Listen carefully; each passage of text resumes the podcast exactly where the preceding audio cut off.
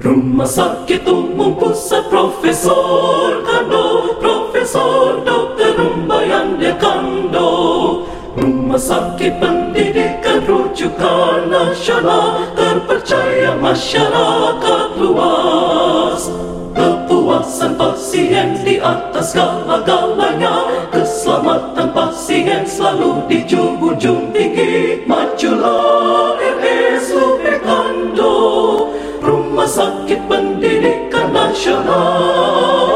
Majulah Rumah Sakit Kando. Rumah Sakit Pilihan Masyarakat. Majulah RSUP Kando Rumah Sakit Pendidikan Nasional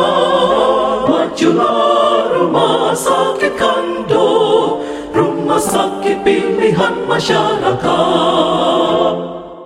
Halo sahabat Promkes di mana pun Anda berada Jumpa lagi dengan saya Dr. Sektin dalam acara Promkes Bercerita Sebuah diskusi santai mengenai topik-topik kesehatan di seputaran RSUP Profesor Dr. RD Kando Manado Topik kita kali ini adalah mengenai waspada gelombang 2 COVID-19 Dan bersama-sama dengan kita sudah hadir seorang narasumber yang sudah sangat dikenal oleh sebagian besar masyarakat Kota Manado dan sekitarnya. Izinkan kami menyapa dengan penuh hormat Dr. Agung Nugroho, spesialis penyakit dalam, konsultan penyakit tropik dan infeksi. Selamat siang, Dok. Selamat siang, Dr. Seplin. Bagaimana kabar, Dok? Baik, alhamdulillah baik. Walaupun sibuk tapi tetap sehat dan semangat, Dok ya. Ya, terima kasih. Ya. Dr. Agung Nugroho, spesialis penyakit dalam, konsultan penyakit tropik dan infeksi, saat ini dipercaya sebagai Ketua Tim Penanggulangan Wabah COVID-19 di RSUP Profesor Dr. RD Kando Manado. Di samping itu, beliau juga adalah Ketua Komite Pencegahan dan Pengendalian Infeksi Rumah Sakit. Kemudian beliau juga melayani sebagai dokter ahli dan mengajar sebagai dosen di bagian ilmu penyakit dalam Fakultas Kedokteran Unsrat. Ya, tanpa perlu berlama-lama lagi, kita akan memulaikan diskusi ini dengan satu pertanyaan yang sederhana, Dok. Tapi mungkin e, banyak ditanyakan oleh kalangan awam, yaitu mengenai apa sih sebenarnya yang dimaksud dengan gelombang 2 COVID-19 ini, Dok. Ya. Silakan, Dok. Ya, nah, terima kasih Dr. Seplin. Selamat siang para pemirsa Promkes kalian yang berbahagia. Eh, apa yang dimaksud dengan gelombang kedua adalah apabila terjadi lonjakan kembali kasus coronavirus sesudah terjadinya penurunan kasus yang yang jelas ya. Jadi di mana dulu kasus itu sudah turun, sudah melandai dan sudah turun, sudah sudah turun, sudah sedikit yang menderita, tapi mendadak sontak terjadi lagi suatu lonjakan kasus yang sangat banyak. Ya, itulah yang disebut sebagai gelombang kedua dan mungkin ada gelombang tiga dan sebagainya yang gelombang tiga dan seterusnya. Jadi pokoknya sekali lagi kalau itu sudah terjadi penurunan kasus dan kemudian terjadinya lonjakan kembali kasus coronavirus itulah yang disebut sebagai gelombang kedua dan uh, seterusnya. Iya dok. Tampaknya memang e, fenomena ini boleh dikatakan secara global bisa terlihat dok ya pada beberapa negara ya dok. Iya. Awalnya grafiknya terus naik, setelah itu menurun, artinya gelombang satu sudah lewat dok Iya. ya. Kemudian yang seperti dokter katakan tadi diikuti dengan lonjakan lagi. Iya. Nah kira-kira seperti itu. Iya. Kemudian dok, e, kalau kita mencermati eh, fenomena berupa tren data epidemiologik saat ini, terutama kalau kita lihat di rumah sakit kita dalam katakanlah 3 sampai 4 minggu terakhir terlihat data kasus konfirmasi yang menurun. Hmm. Tetapi kalau kita melihat konteks global, tampaknya kasus-kasus justru meningkat seperti di India, dok ya. Iya. Kemudian turun ke konteks eh, skop yang nasional, beberapa daerah juga di Jawa juga meningkat. Dan kalau di daerah kita tampak juga beberapa daerah kabupaten kota yang juga mengalami peningkatan, dok ya. Iya. Jadi dok kira-kira bagaimana dokter melihat peluang terjadinya gelombang 2 COVID ini di Indonesia dan secara khusus di daerah kita ini, dok? Ya, terima kasih.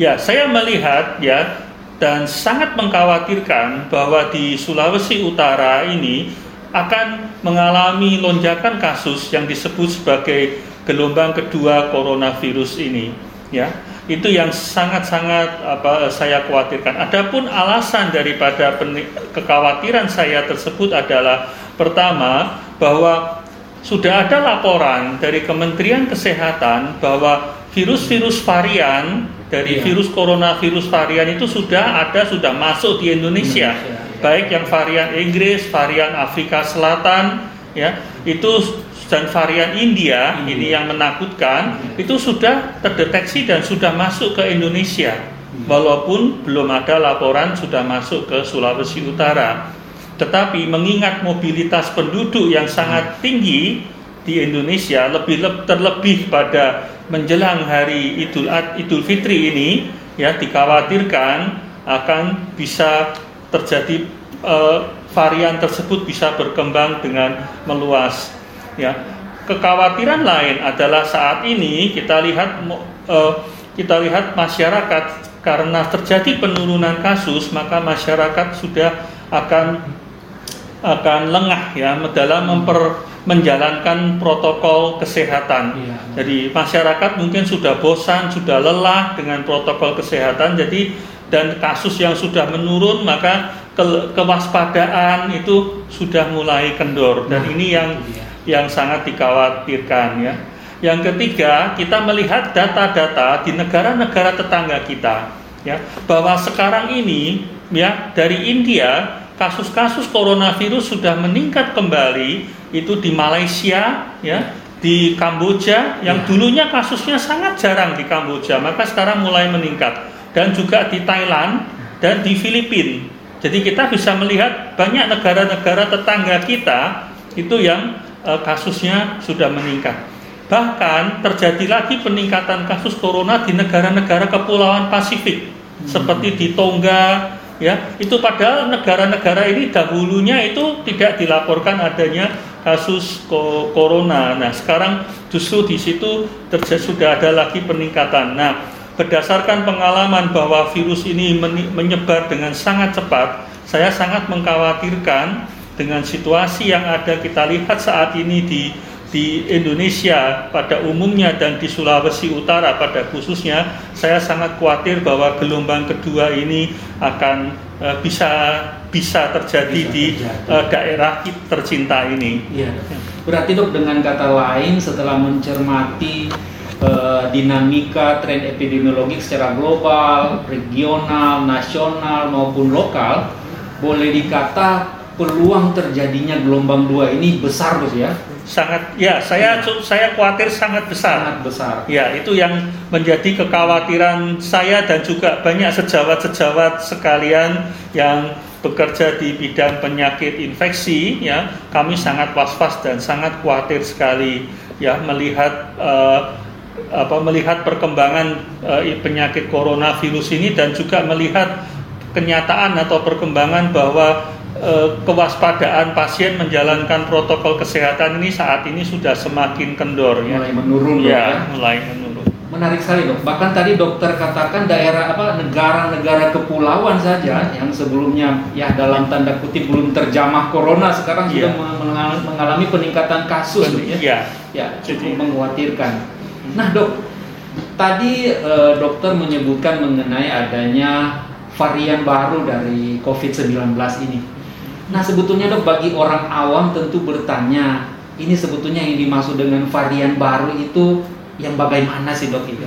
Ya, ya terima kasih dokter Seplin. Ya kita tahu bahwa virus ya itu adalah suatu uh, suatu kuman yang dia sangat mudah sekali mengalami perubahan-perubahan bentuk dalam perkembangannya. Nah, perubahan bentuk dari virus ini, perubahan komponen atau perubahan bagian-bagian virus ini sangat itu yang disebut dengan mutasi. Jadi virus ini kuman yang e, umumnya sangat mudah sekali mengalami perubahan komponen dari virusnya di mana dari bagian dindingnya atau dari protein-protein virusnya itu mudah sekali mengalami perubahan-perubahan uh, bentuk. Nah, perubahan ini disebut dengan mutasi. Nah, mutasi ini atau perubahan dari komponen protein virus ini akan melahirkan suatu uh, jenis uh, virusnya sama tapi ada jenis virus yang berbeda yang disebut dengan varian. varian. Yang varian itu yang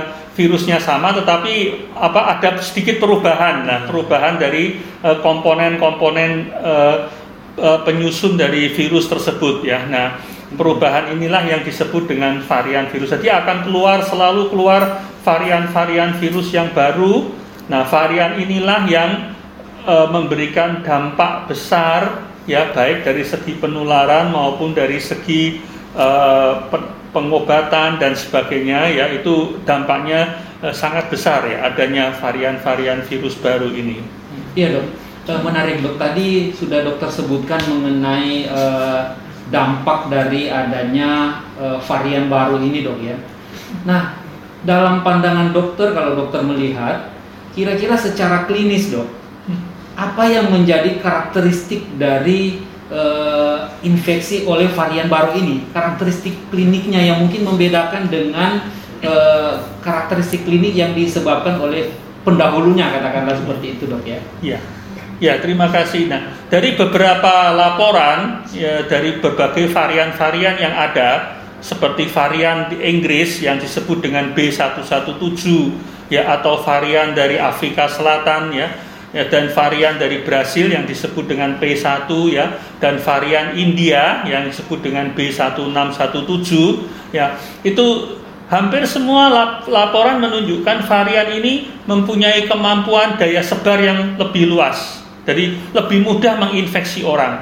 Maka jangan heran salah satu gejala tanda-tanda klinisnya adalah cepat sekali menular kepada anggota keluarga atau mereka yang kontak dengan pasien ini. Jadi akan terjadi lonjakan kasus yang yang cepat dan dan dan hebat disebabkan karena penularan yang sangat intens dari virus itu. Ya, e, masalah berikutnya adalah berbagai laporan menunjukkan varian ini memberikan gejala yang lebih berat. Jadi lebih orang akan cenderung menjadi lebih sakit ya dan sakitnya pun menjadi lebih berat ya seperti itu. Yang ketiga ada kemungkinan bahwa e, virus ini karena sakitnya lebih berat tentunya angka kematiannya akan lebih tinggi ya itu yang dikhawatirkan.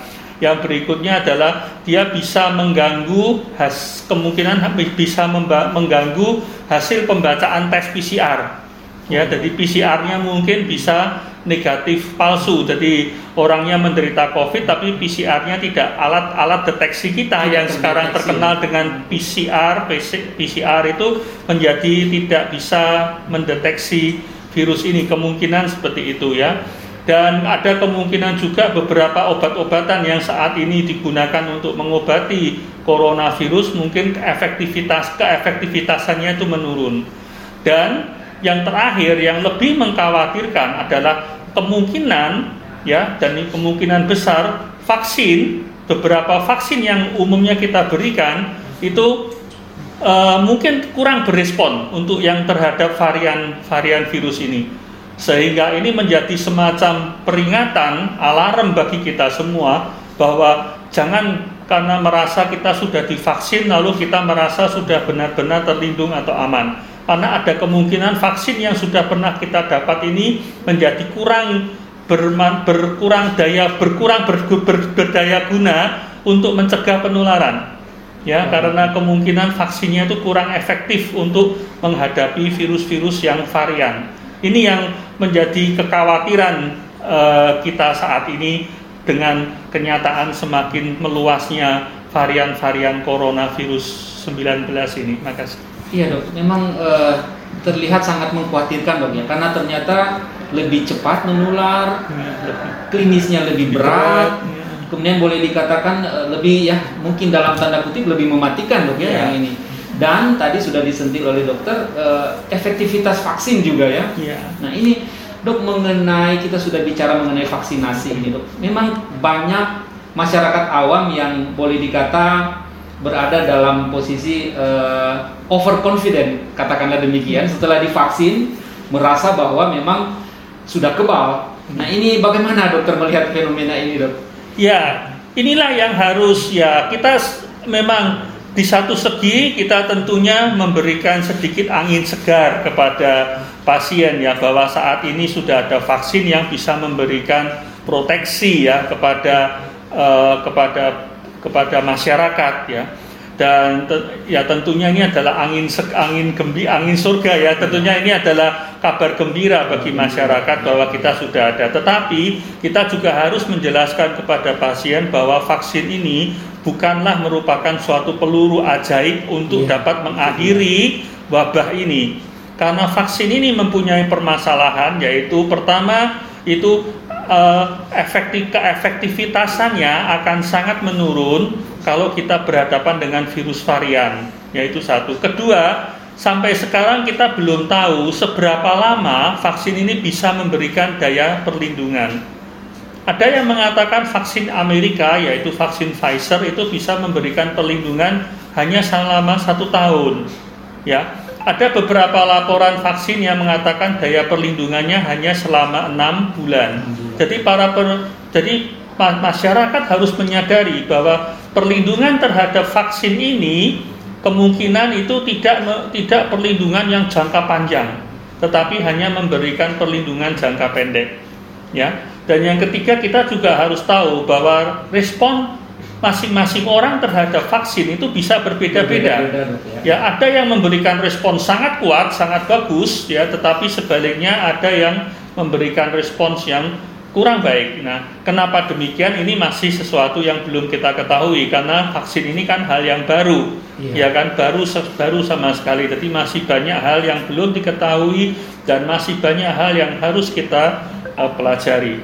Ya, jadi tetap tetapi intinya para pemirsa sekalian bahwa vaksin ini jangan dianggap sebagai senjata pamungkas ya yeah. yang untuk menghadapi coronavirus ya dia hanya dianggap sebagai salah satu senjata pelengkap dalam menghadapi virus ya jadi kita tetap harus bahwa senjata pamungkas yang sudah e, terbukti efektif untuk melawan virus ini adalah salah satunya dengan menjalankan protokol kesehatan dengan e, kedisiplinan yang tinggi. Iya, berarti memang e, dengan kata lain tidak bisa hanya bersandar pada status sudah atau belum divaksin dok ya. Yeah. Kita juga jangan mengabaikan protokol kesehatan yeah, dok ya, betul. seperti memakai masker, rajin mencuci tangan, menjaga jarak, yeah. kemudian mengurangi mobilitas dan tidak usah keluar yeah. rumah kalau memang tidak ada keperluan yeah. mendesak dok ya. Iya. Yeah. Dok mungkin ini uh, pertanyaan terakhir dok yeah. dari kami. Kira-kira dok belajar dari kasus-kasus yang terjadi di beberapa negara yang mengalami lonjakan ini apa yang harus kita sebagai masyarakat lakukan atau persiapkan supaya jangan sampai terjadi gelombang 2 COVID-19 ini dok?